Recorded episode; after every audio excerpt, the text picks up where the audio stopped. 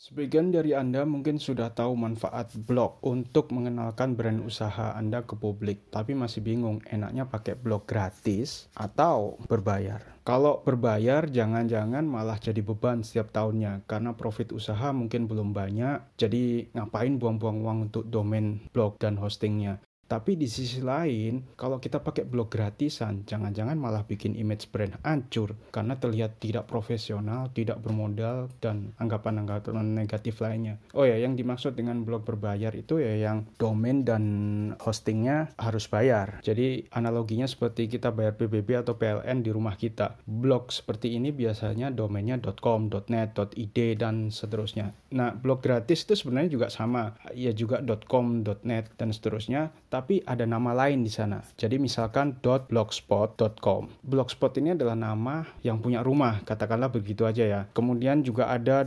.wordpress.com. Ini yang punya rumah berarti WordPress, .tumblr, .medium dan sebagainya. Kalau kita nebeng ke yang punya rumah tadi, kita tidak perlu keluar biaya sama sekali. Jadi gratis namanya juga nebeng. Tapi itu bukan rumah kita. Yang nebeng di rumah maupun yang punya rumah sendiri masing-masing punya kelebihan dan kekurangan.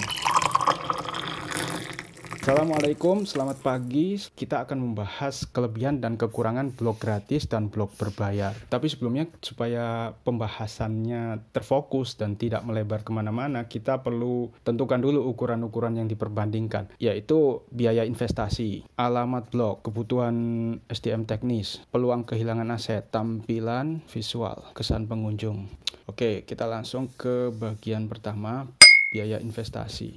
Blog gratisan itu jelas kita nggak perlu membayar apa-apa, jadi sangat menguntungkan. Tapi hati-hati karena yang gratis-gratis begini biasanya justru mengurangi komitmen kita. Mentang-mentang tidak keluar uang, kita jadi kurang serius ngeblognya. Kan sudah biasa yang seperti ini, ikut seminar gratis, kursus gratis, dapat buku gratis. Tapi apa yang terjadi berikutnya? Malah tidak dibaca, malah tidak dipelajari, apalagi dipraktekkan. Barangkali karena kita menganggap yang gratis-gratis itu kurang berharga dibanding yang ber berbayar. Nah, kita perlu mengubah pola pikir semacam itu di sini bahwa yang gratis pun sebenarnya bisa kita jadikan alat yang efektif untuk membantu brand bisnis kita. Kemudian ada fakta yang menarik di sini karena di blog gratis kita tidak pernah ditagih, jadi kita tidak pernah dihentikan layanannya. Blog kita pasti terus online. Artinya blog gratis berpeluang menjadi warisan abadi. Apa yang kita tulis di blog gratis bisa jadi akan terus ada sampai cucu dan cicit kita. Nah kalau berbayar, anda menunggak nggak bayar beberapa bulan sudah diblokir domain Anda. Mungkin uh, artikel-artikelnya pun hilang gitu. Kita sudah nggak punya warisan lagi di dunia maya gitu.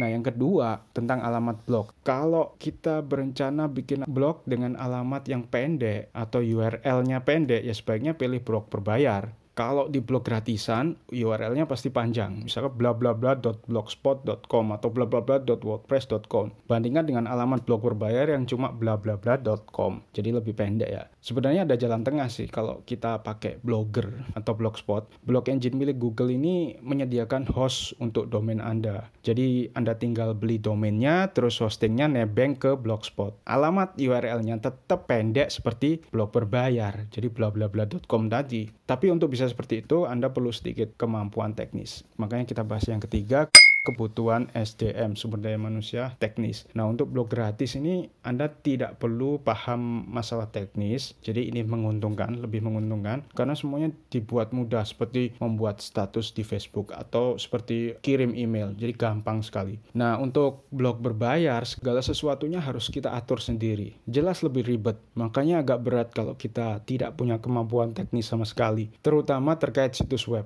Apalagi kalau sampai salah install ada error, kena hack. Pasti pusing sendiri tuh kalau kita tidak punya skill IT. Tapi jangan khawatir, Anda selalu bisa mencari solusi di setiap permasalahan di internet. Browsing aja solusinya atau minta bantuan teman yang lebih paham masalah IT atau menggaji staff IT. Atau minimal minta tolonglah ke tempat Anda membeli domain, oke? Okay?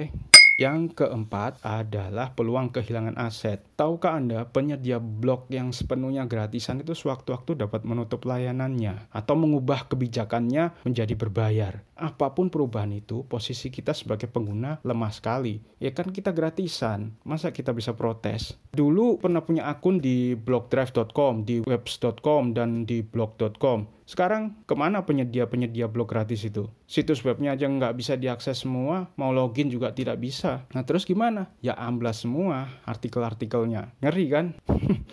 Tapi jangan khawatir, brand-brand besar seperti Blogspot, seperti WordPress, pasti tidak akan segegabah itu mengecewakan atau merugikan penggunanya, meskipun gratisan. Pasti mereka kasih solusi sebelum menutup layanannya, kalau seandainya mau ditutup. Jadi peluang kehilangan aset ini seimbang ya, dua-dua keduanya bisa hilang asetnya. Satunya hilang gara-gara gratisan, satunya hilang gara-gara tidak membayar misalnya. Kemudian yang kelima tampilan visual. Nah ini pastinya tampilan blog gratisan itu terlihat pasaran. Kita tidak bisa mengutak-ngatiknya lagi. Anda akan sering memergoki blog yang templatenya persis dengan blog Anda. Ya perasaannya pasti sama kayak kalau kita jalan-jalan ke mall terus tiba-tiba berpapasan dengan orang yang pakai baju yang sama. Wah. Sementara blog berbayar lebih memudahkan kita untuk membongkar pasang tampilan blog, baik templatenya, pluginnya maupun fitur-fitur lainnya kesan pengunjung terakhir. Katakanlah desain blog gratis dan blog berbayar itu sama sama bagusnya. Tapi apa reaksi orang saat melihatnya? Pada blog berbayar kesan orang cenderung wah ini blognya niat ya profesional blogernya pasti bermodal. Sedangkan pada blog gratis kesannya justru sebaliknya. Itu kalau dilihat dari segi desain. Tapi penilaian blog itu sebenarnya terletak di isinya. Meskipun blognya gratisan kalau digarap serius dengan artikel-artikel yang rapi berisi dan enak dibaca tentu kesannya tetap keren. Gratisan jadi nggak identik lagi dengan murahan, tapi lebih ke sederhana, merakyat, atau fokus pada esensi. Sebaliknya, sebuah blog meskipun tagihan bulanannya sampai jutaan rupiah, servernya mewah, kecepatannya tinggi sekali, tapi kalau konten-kontennya tidak jelas, artikel-artikelnya kayak ditulis oleh tim penulis amatir, ya kesannya jadi buruk, tidak layak dikunjungi itu tadi perbandingannya dengan parameter-parameter ini. Sekarang kalau kita hitung mana yang lebih unggul kayaknya sama sih. Silakan simpulkan sendiri mana yang lebih cocok untuk bisnis Anda pakai blog gratisan atau blog berbayar. Semuanya sebenarnya baik asalkan sesuai dengan karakter Anda dan konten-kontennya selalu diisi. Yang tidak baik dan tidak efektif itu kan kalau artikel di blognya isinya cuma 10 artikel. Sudah begitu tidak pernah diisi-isi lagi. Dibiarkan seperti itu. Yang begitu itu justru menyia-nyiakan potensi blog dalam membangun brand kita. Nah, semoga catatan sekelumit ini bisa bermanfaat. Wassalamualaikum.